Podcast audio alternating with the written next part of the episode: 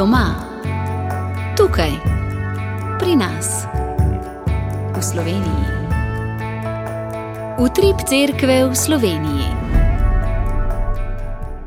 Lepo zdrav. Današnja oddaja bo posebej posvečena mučencu Blaženemu Alojziju Grozdetu, čigar stoto obletnico rojstva bomo obhajali v soboto 27. maja.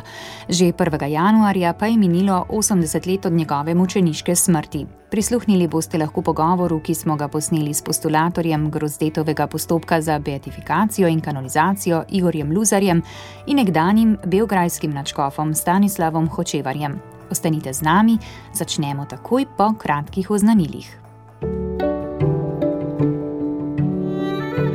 Radijska oznanila. Svetniki v tem tednu. Jutri godujejo Julija, Julka Mučenka, Emil, Milan Mučenec in Donat Isterski, Škof. V torek Dezider, Željko Mučenec, Leon Rostovski, Škof tudi Servul, socerb Tržaški, mučenec. V sredo bo god Marije pomočnice kristijanov, Marije pomagaj, goduje tudi sveta Dagmar, kraljica. V četrtek beda častitljivi crkveni učitelj, Gregor VII in Urban I papeža, Marija Magdalena de Paci, devica. V petek Filip Neri, duhovnik, Godon Opat, Lambert Škof. V soboto bo god Alojzija Grozdeta, mučenca, Augustina Kenterburijskega škofa, Eutropija škofa, Julija mučenca. V nedeljo pa godujejo German Pariški škof, Just Španski škof, William Akvitanski menih. Prihodne nedelje bo Binkoštna, praznik svetega duha. V današnjem gospodovem dnevu. Danes popoldan bo v Veržeju romarski shod ob prazniku Marije Pomočnice. Ob 14. bo molitev v cerkvi, ob 14.45 minut procesija in ob 15. uri sveta Maša na dvorišču Marijanišča. Shod bo vodil upokojeni biografski načkov Stanislav Hočevar. Torek. V torek bo na Brezijah večer krščanskih izročil in vigilija praznika Marije Pomagaj. Ob 19.30 minut bo rožni venec, ob 20. pa sveta Maša. Sledila bo procesija z milostno podobo, slovesnost pa bo vodil ljubljanski načkov, metropolit Stanislav Zore. Od 19.30 minut naprej bo radijski prenos. Sreda. V sredo bodo na Brezijah svete Maše po nedeljskem urniku, ob sedmih, pol devetih, ob desetih, ob 11.30 minut, ob 16. in 18. Ob desetih bo slovesno bogoslužje, zvečer ob sedmih pa koncert Marija prečastita vseh milosti vir. Prireditev Mariji pomagajo v zahvalo in priprošnjo.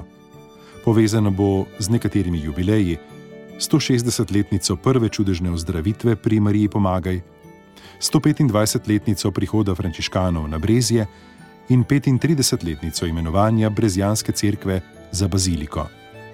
Sodelovali bodo Modrijani, Nina Pušlar, Ana Dežman, Veseli Begunčani, Flora Ema Lotrič, Marko Vozel, Korenski oktet, Lovski rogisti Bohin in otroško-mladinski zbor spominčice z Brezi.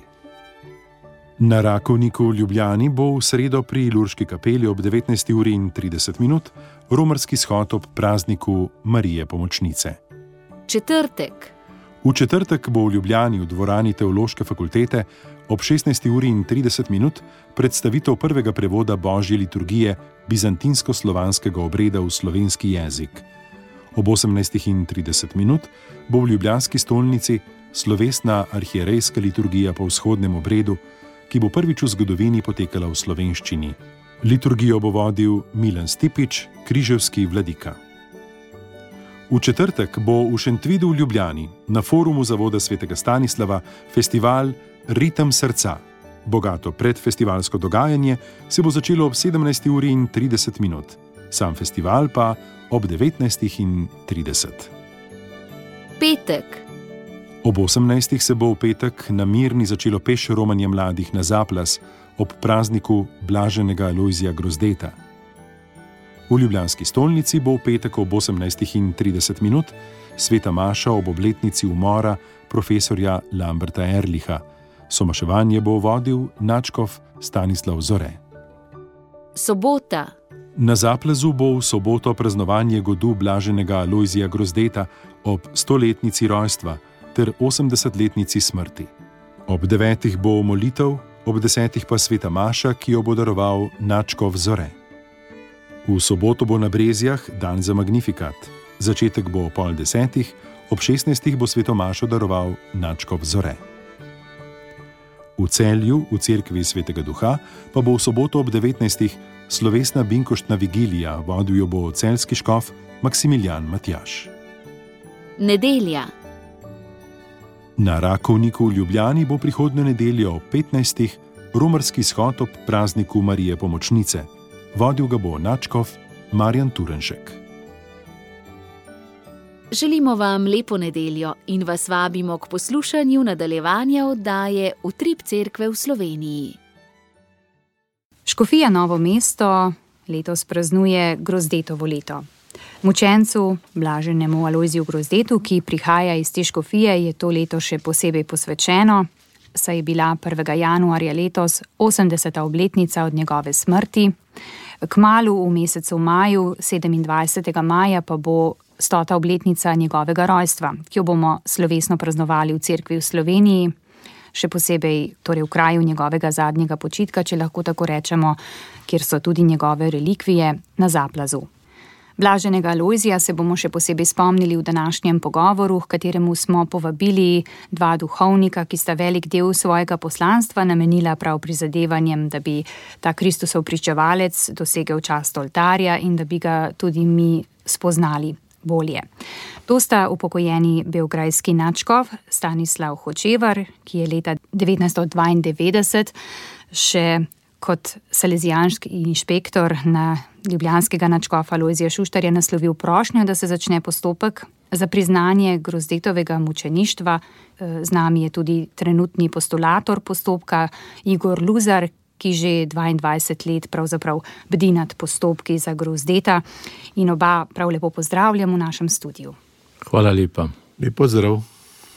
Ker je že vse letošnje leto v znamenju okroglih obletnic povezanih z blaženim grozdetom, je prav, da v začetku pogovora, v katerem bomo osvetlili tudi sam dosedani postopek, mogoče v nekaj stavkih obudimo spomin na njegovo življenje, na to življenje, ki je postalo zgled ljubezni in vere v Boga do konca.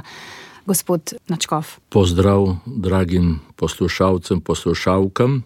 Verjetno bo o tem boljše govoril sedanji gospod postulator.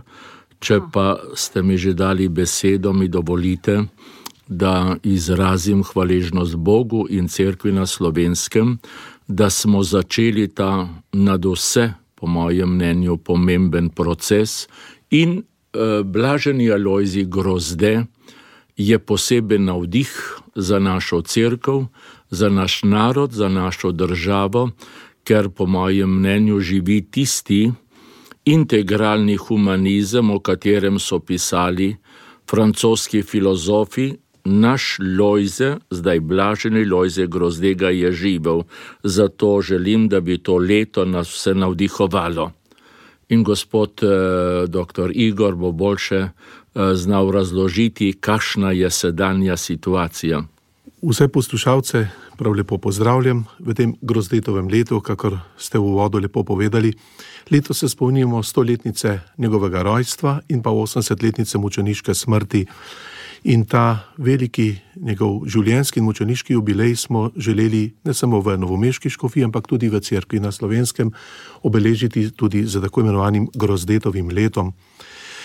Lojze Grozdej je bil tudi obetavni pesnik in se nam je zdelo zelo primerno, da kot vodilno misel tega celotnega grozdetovega leta vzamemo neko geslo iz ene izmed njegovih pesmi, ki mogoče najlepše označuje vse tisto poslanstvo, ki ga je vodilo tudi do mučeništva in sicer iz misionarjeve molitve smo vzeli geslo Luč je, ki šel sem za njo.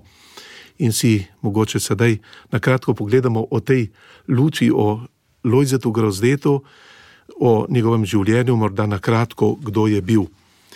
Eh, blaženi Lojzi Grozde dijak mučenec se je rodil 27. maja 1923 v Zgornjih vodalah, to je župnija Tržiče. Bil je član katoliške akcije ter voditelj marine kongregacije in unet častilec Euharistije ter Jezusovega in marinega srca.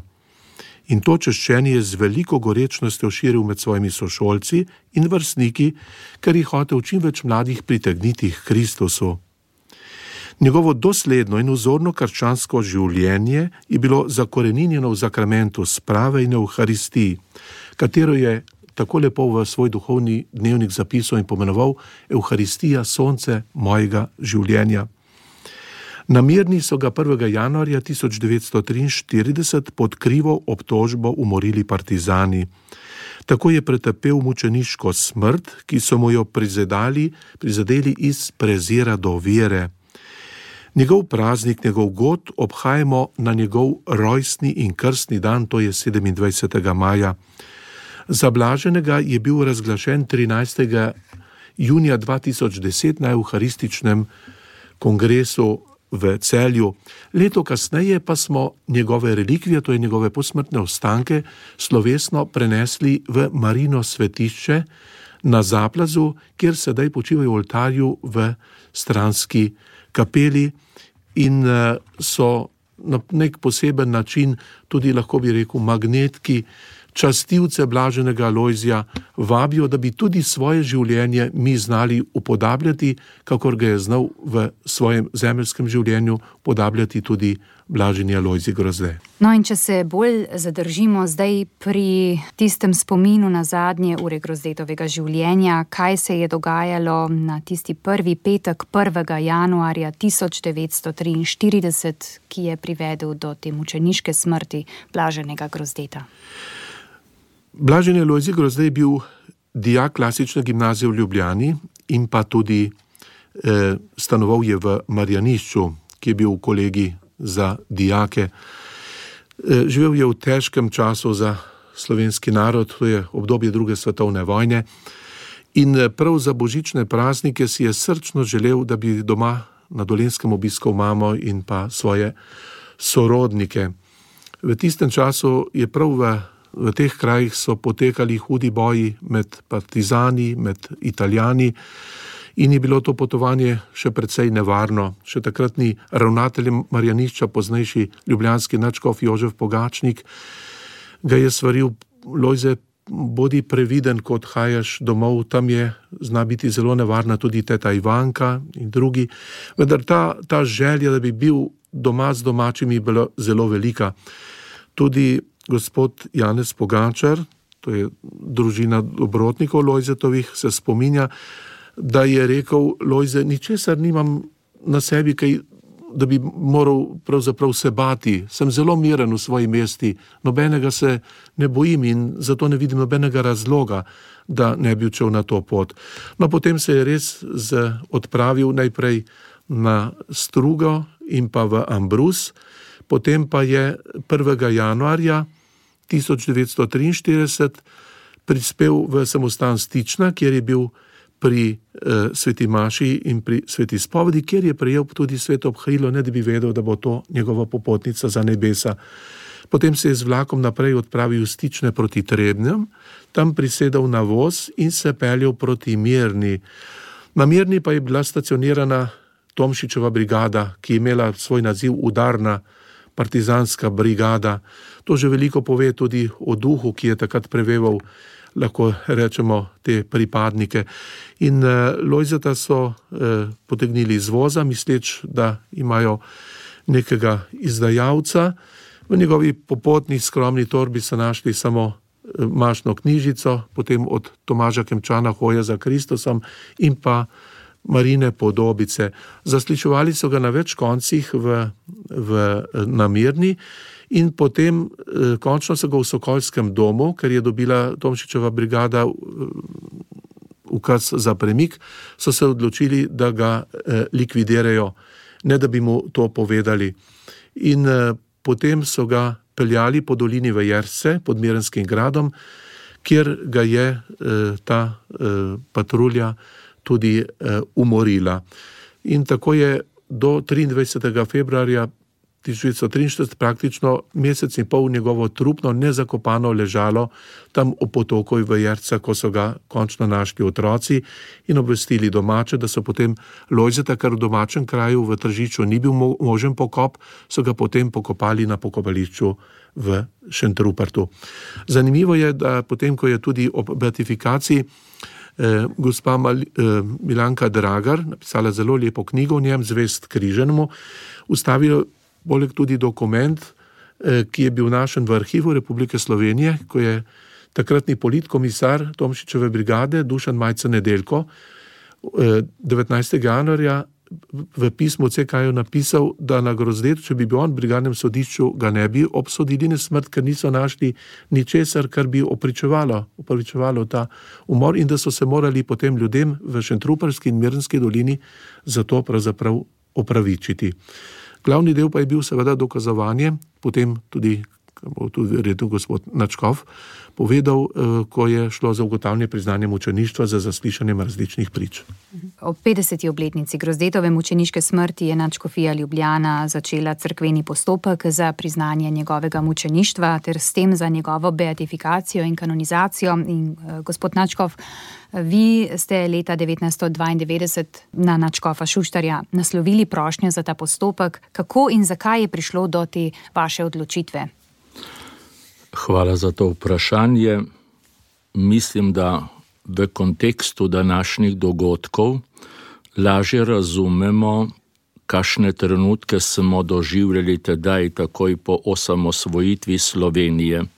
Jaz sem bil kot predstojnik Salezijanske skupnosti odgovoren za pastoralo mladih, posebej navdihnjen ob Lojzetu Grozdetu in sicer iz dveh razlogov. Prvič je bil en poseben razlog. Zelo me je bolelo, da sem jaz kot osmošolec osnovne šole preživel v isti skupnosti s teto Lojzeta Grozdeta Ivanko, ki je bila v naši župni Škocije na Dolenskem tako imenovana kuharica, stregla, ampak bili so taki časi, da nihče ni smel o tem govoriti, nihče ni smel vedeti, Jaz sem kot osmošolec, preden sem šel torej v malo semenišče k Salezijancem, odkrival na tej gospe, da je v njej nekaj posebnega, vendar časi so bili takšni, da se ni o tem smelo govoriti. Ne župnik, ne nihče, ni bilo govora o tem. Ko sem torej pozneje to zvedel, ko sem kot duhovnik, še posebej kot potem odgovoren za salezijansko skupnost to odkrival, sem si dejal, krivico je treba popraviti.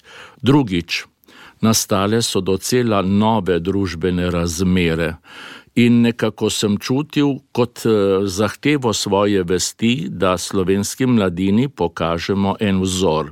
Kolikor bolj sem o tem razmišljal, se srečeval z mnogimi ljudmi, eh, toliko bolj je to vse prihajalo do izraza, toliko bolj ker so naši sobratje Salezijanci bili tedaj župniki v župnišen Trupert, kjer je bil Lojze pokopan. Eh, in ker eh, smo tudi mi že prej v naši založbi izdali mm, življenjepis Lojzeta Grozdeta, ki ga je prej že napisal, že rečeno, doktor Anton Strle, ki je zdaj tudi sam božji služabnik. Vse to me je torej navdihovalo, Eh, da smo se v vsestranskem pogovoru končno tudi formalno obrnili na Ljubljansko načkofijo, ker sem torej jaz kot predstavnik Selezijanske skupnosti bil pobudnik, bil inicijator, zato sem potem tudi imel pravico imenovati postulatorja, na začetku je bil to dr. Janez Jenko, pravdnik je bil naš sobrat, Borštnik Rudi, in prav tako smo mi dali svojega notarja, in proces se je začel v tem istem letu. Bila je še ena posebna okoliščina, teda je našo srezijansko inšpektorijo skupnost obiskal vrhovni predstojnik. In tako smo lahko v samem Šentrupertu, uradno v nedeljo 27. septembra tega istega leta, začeli, odprli ta proces, kot se reče, in že 14 oktobra, zatem so vsi, ki so vodili ta proces, prisegli.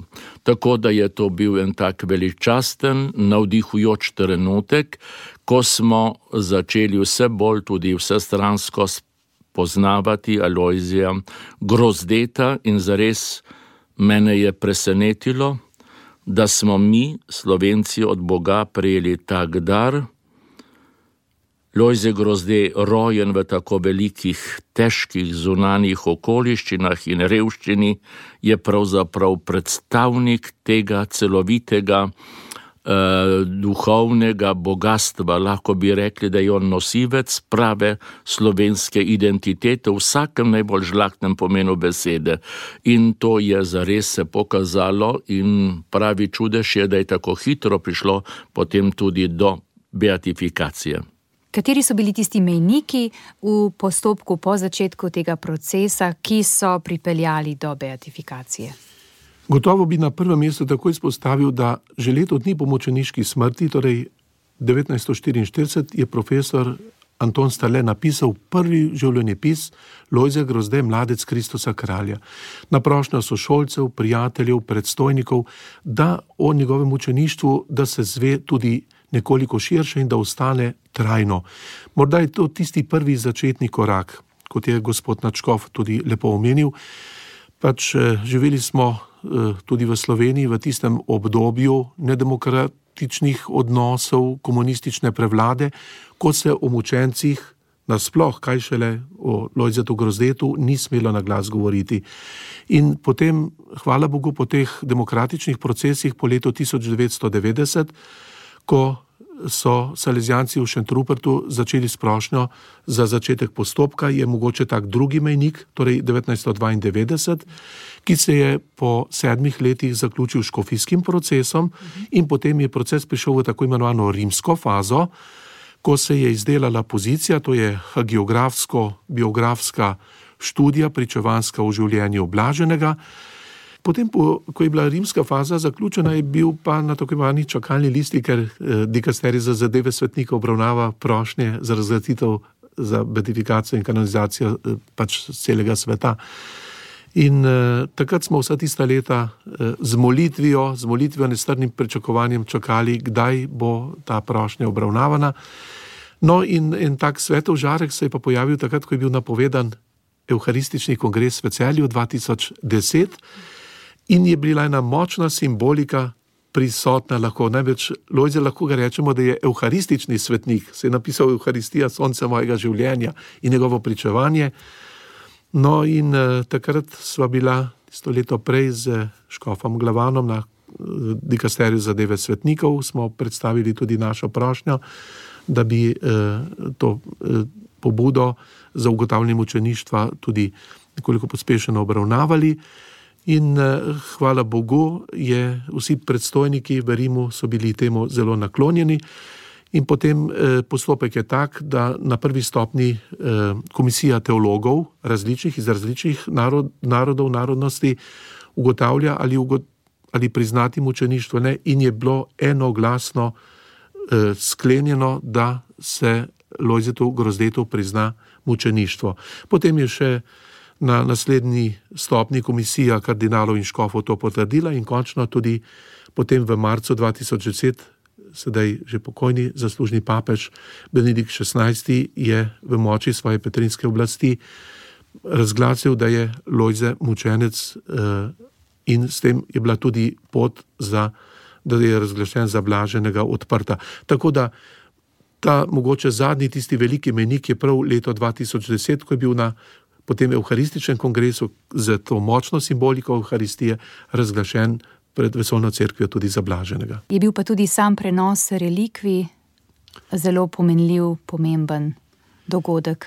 Že v, prvih, v prvi tradiciji crkve, od samih začetkov, so prvi kristijani zelo častili mučence kot tiste, ki so svojim življenjem dokončno pričali za Kristusa in crkv. In tudi prve svete maše so se na grobovih mučencev, na krajih mučeništva obhajale. In eh, tako je potem tudi dozorela pobuda, da se njegove posmrtne ostanke, ki so po beatifikaciji postale relikvije kot predmet čaščenja, iz pokopališča v Šentrupertu prenesejo v obnovljeno marino svetišče na Zaplazu, ki je sedaj osrednje svetišče Marijansko novomeške škofije, da bi bilo čim bolj dostopno vernikom v češčenje. In tako smo potem za njegov prvi god leta 2011 v maju iz pokopališča v Šentrupertu njegove relikvije slovesno prenesli in jih položili v oltar eh, njemu posvečene kapele na Zaplazu, kjer so še danes in kot sem že na začetku omenil, so veliki, veliki kraj, velika priložnost, da se lahko blaženemu v svojih molitvah tudi eh, priporočajo.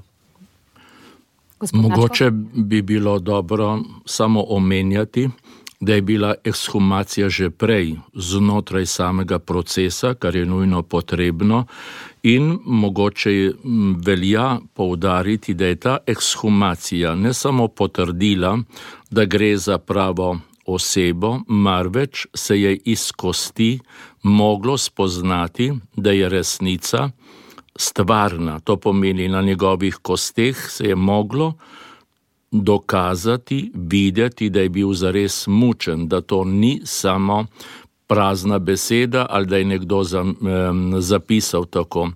In mogoče bi bilo še to potrebno reči, da je celotno njegovo življenje, Lojzetovo, njegov način življenja, dela, razmišljanja bil tak, da je bilo vedno vse transparentno. Pri njem je vse tako jasno, zato vsa ta uh, ugotavljanja njegove življenjske poti uh, je tako nekako linearno, pregledno. Vse je razvidno, ne samo da je močenec, ampak da je tudi svetniško živel. In mislim, da je to treba za slovence zelo poudariti. Eh, čeprav je nekako vnaprej zaslutil, ker je vedel, v kakšnem času živi, spremljal je vse zelo dogodke, vse je opisoval, pisal je tudi dnevnik, ampak on je predvsem živel in iz tega notranjega, prav preroškega ognja je potem nekako dozorel preprosto za najvišjo obliko pričevanja, to pa je, da je dal življenje za Kristusa. Vse to nekako zelo ponazarja eh, njegov lik svetniški. Kako dobro slovenski narod eh, pozna blaženega Lojzeta Grozdeta, kako eh, je z obiskom njegovega groba, kdo prihaja tja, s kakšnim namenom, gospod Luzar. Kot smo v začetku menili, žal, glede na tiste družbene okoliščine, ki so bile pred 70, 80 leti in tudi še kasneje, se v naših močencih pač ni smelo govoriti na glas, tako tudi o blaženem Alojziju Grozdetu. Zato po letu 92, ko se je začel ta škofijski proces za priznanje njegovega mučeništva, se je o njem lahko tudi več govorilo. Hvala Bogu je pa eh, bilo o njem napisano kar nekaj knjig na osnovi Strletovega prvega življenja pisa v Blaženem grozdetu tudi v tujini. Tako je v Švici in pa v Kanadi, že v Nemščini in pa v francoščini, Eh, so išli življenje pisi, ki so bili kasneje prevedeni tudi v nekatere druge jezike, v, tudi v uh, angleščino, tako da se je mogoče preko uh, te diaspore nekako lažje govorilo o, tudi o teh naših močencih, konkretno tudi o blaženem uh, grozdetu. Če pogledamo sedajni čas, imamo v novejši dobi Slovenci, če rečem v narekovajih, samo dva blažena, to je blaženi Anton Martin Slomšek in pa blaženi Alojzi Grozde. Mi na misel zelo pride eh, en dober povdarek, ki ga je kardinal Rode leta 2002 v enem intervjuju za družino, ko je govoril o svetništvu, tudi na vprašanje, zakaj Slovenci nimamo več svetnikov. Zelo to dobro izrazil, ko je rekel, da nam manjka čut za svetost, za slovensko svetost da pač naše zgodovinske in druge okoliščine so nam morda so nam narekovale, da so bili v spredju bolj drugi, če rečem, ne tuji svetniki, saj so vsi svetniki katoliške cerkve, so naši, ampak da morda nismo se te svetosti toliko ali pa se še danes morda premalo zavedamo, ampak se, hvala Bogu, to tudi danes zelo odpira. Se vidimo, imamo kar nekaj novih procesov za priznanje, da so razglašeni za blaženi svetnike eh, tudi slovencev. Tako da Po beatifikaciji so se pa še prav posebej, se mi zdi, ta zavest prebudila o teh, prav konkretno tudi oblaženem grozdetu, tako da postaja, če lahko rečem, vedno bolj zanimiv za odkrivanje te poti svetosti tudi za vsakega izmed nas. E, posebno že od beatifikacije pa do danes imamo vsako prvo nedeljo v mesecu grozdeto molitveni shod na Zaplazu, ki vključuje svetomašo in pa potem molitev pri njegovih relikvijah, ravno s tem namenom, da to ni svetost, ki jo se spominjamo samo enkrat na leto ob godu, ampak da je pravzaprav vse skozi prisotna med nami, da se tega zavedamo. Veliko prihaja posameznikov, tudi skupin, veseli smo tudi številnih mladih, bodi si veroučnih, ki prihajajo na zaplas, da se seznanijo z njegovim življenjem, z njegovim učeništvom in pa da se mu v molitvi tudi priporočajo. Glas gre pa tudi preko meje. Kot postulator sem sedaj od modifikacije dobil že kar veliko prošenj iz tujine, posebej zanimivo iz Filipinov, iz Vietnama za njegove relikvije. Ganilo me je eno pismo enega ministranta iz Filipinov, ki je eh, prosil za njegove relikvije, da bi v njihovi župnijski skupnosti častili tega našega mučenca. In eh, to so dogodki, ki se vidi, kako je svetništvo ni omejeno samo na nek lokalni prostor, ampak da seže veliko preko širše, tudi preko teh geografskih meja, ki si jih včasih sami lahko predstavljamo. Ko pravite, da tudi mladi prihajajo, veručne skupine, birmanske skupine, so ga torej mladi nekako vzeli za svojega vzornika in priprošnika.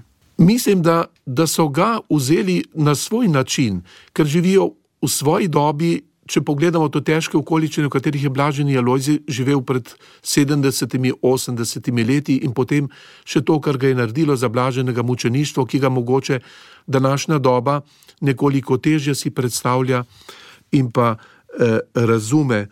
Vendar mislim, da se ob njegovem življenju tudi sami navdihujejo.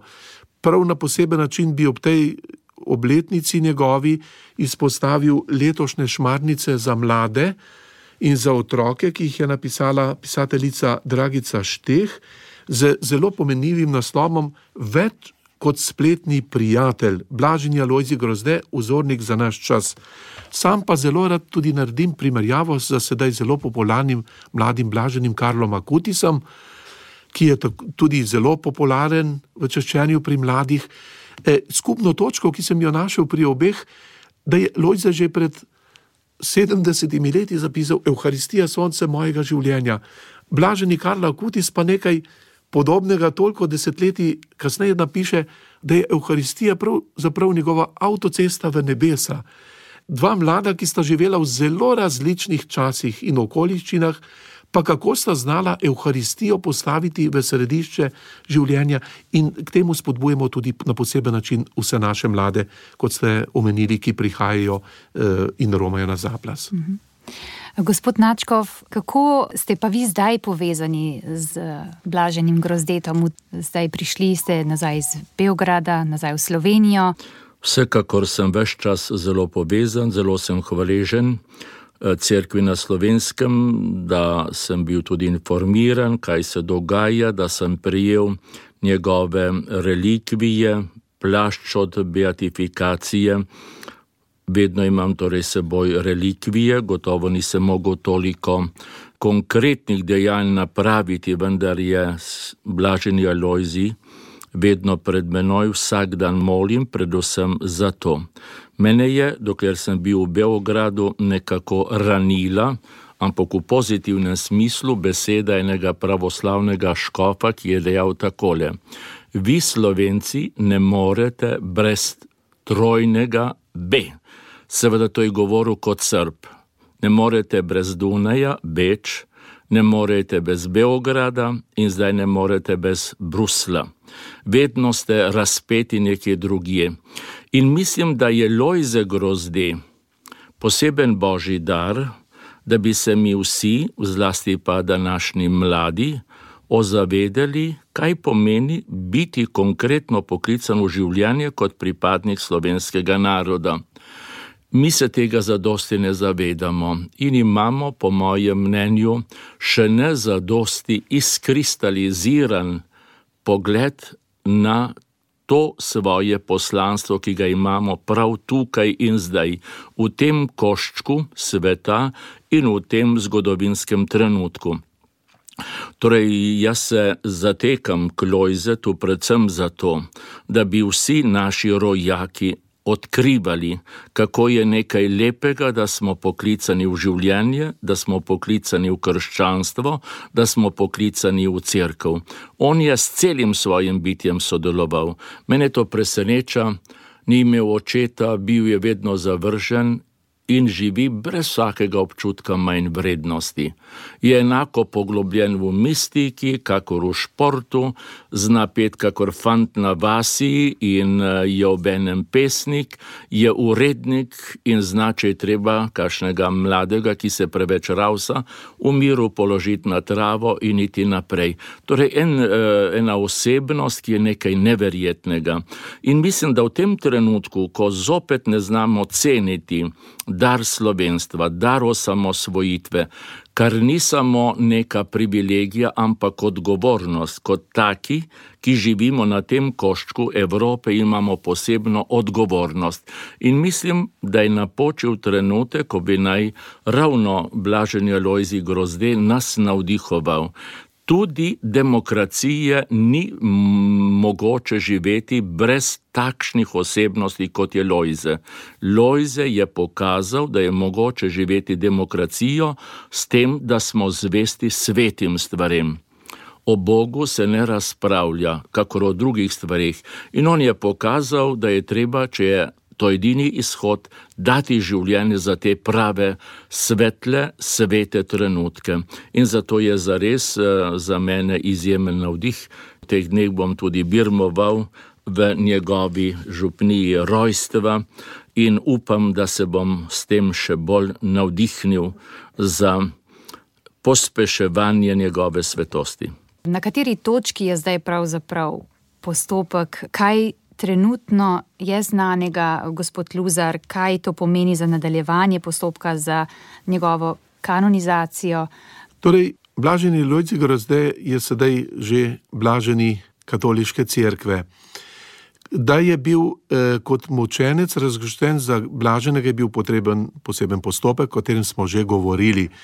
Normativi dikasterija za zadeve svetnikov določajo, Eh, na prvi stopni za mučence, da na njihovo priprošnjo ni potreben čudež, da bi bili razglašeni za blažene. To je samo pri mučencih. Torej, da bi bil blažen Alojzi Grozde sedaj razglašen ali rečemo tudi kanoniziran, razglašen za svetnika, je potrebno, da se na njegovo priprošnjo zgodi tudi čudež, ta nadnaravni božji poseg, ki se ga pač ne da empirično razložiti. In uh, ta čudež, seveda, kot postulator in vsi ostali, vedno znova, vsak dan pričakujemo nestrpno, da bi to odprlo tudi pot, da je nekdo lahko razglašen tudi za svetnika. V decembru 2019 je dikasterij za zadeve svetnikov praznoval 50-letnico svojega ustanovitve delovanja in so bili člani dikasterija za zadeve svetnikov sprejeti pri papežu Frančišku, je imel tudi takrat nagovor za njih. In ko se je obrnil svojem nagovoru na postulatorje, je rekel, da je potreben čudež. Namreč, kot je se lepo izrazil papež Frančišek, da čudež je potreben, kajti tam je božji prst vmes, je rekel, tam je vmes božji prst in brez tega interventa v postopkih žal ne moremo naprej. Zato izkoriščam tudi priložnost, da vse vernike pozivam, da se blaženemu v svojih zadevah radi priporočajo. Sam dobim občasno, seveda, kakšne odzive, največkrat gre za kakšne medicinska uslišanja ali pa kakšne druge zadeve, da se nekdo priporoča in potem postolaturi sporoča, kaj se je zgodilo in da seveda za vsako tako pričevanje smo izredno hvaležni. Kakor pravi mati Terezija, nič ni majhnega, kar je starjeno iz ljubezni. Tudi še tako majhno uslišanje na vides je lahko veliko, pričakujemo pa vedno znova, da bi bilo kakšno tako uslišanje da se ga potem bolj konkretno še kot vse ostale tudi obravnava in če bo božja volja, kako rečemo, potem lahko tudi na tej stopni napredujemo naprej. Zato res tako goreče priporočanje tudi posebno našim vsem blaženim in svetniškim kandidatom, kajte tako postopki potem grejo, kot rečemo, k svojemu srečnemu koncu, da je nekdo razglašen za blaženega in končno tudi za svetnika. Želimo si, da bi tudi ta oddaja, ki smo jo danes posneli, pripomogla, da bi se še bolj približali blaženemu Alojziju Grozdetu in pa seveda ob tej priložnosti povabimo tudi na praznovanje. Ja, lepo povabilo, hvala vam tudi eh, Radio Ognišče za to spremljanje in da bi se srečali v soboto 27. maja na Zaplazu, ko bo ob 10. uri slovesna sveta Maša ob njegovem godu, še dan prej pa bo veliko romanje slovenske mladine iz različnih koncev Slovenije preko noči romanje k blaženemu Alojziju Grozdetu na Zaplaz. Tako da lepo povabljeni. Gospod Igor Luzar in gospod Načkov Stanislav Hočevar, najlepša hvala za obisko v našem studiu in za vaše besede. Hvala lepa vam. Hvala vam za pozornost.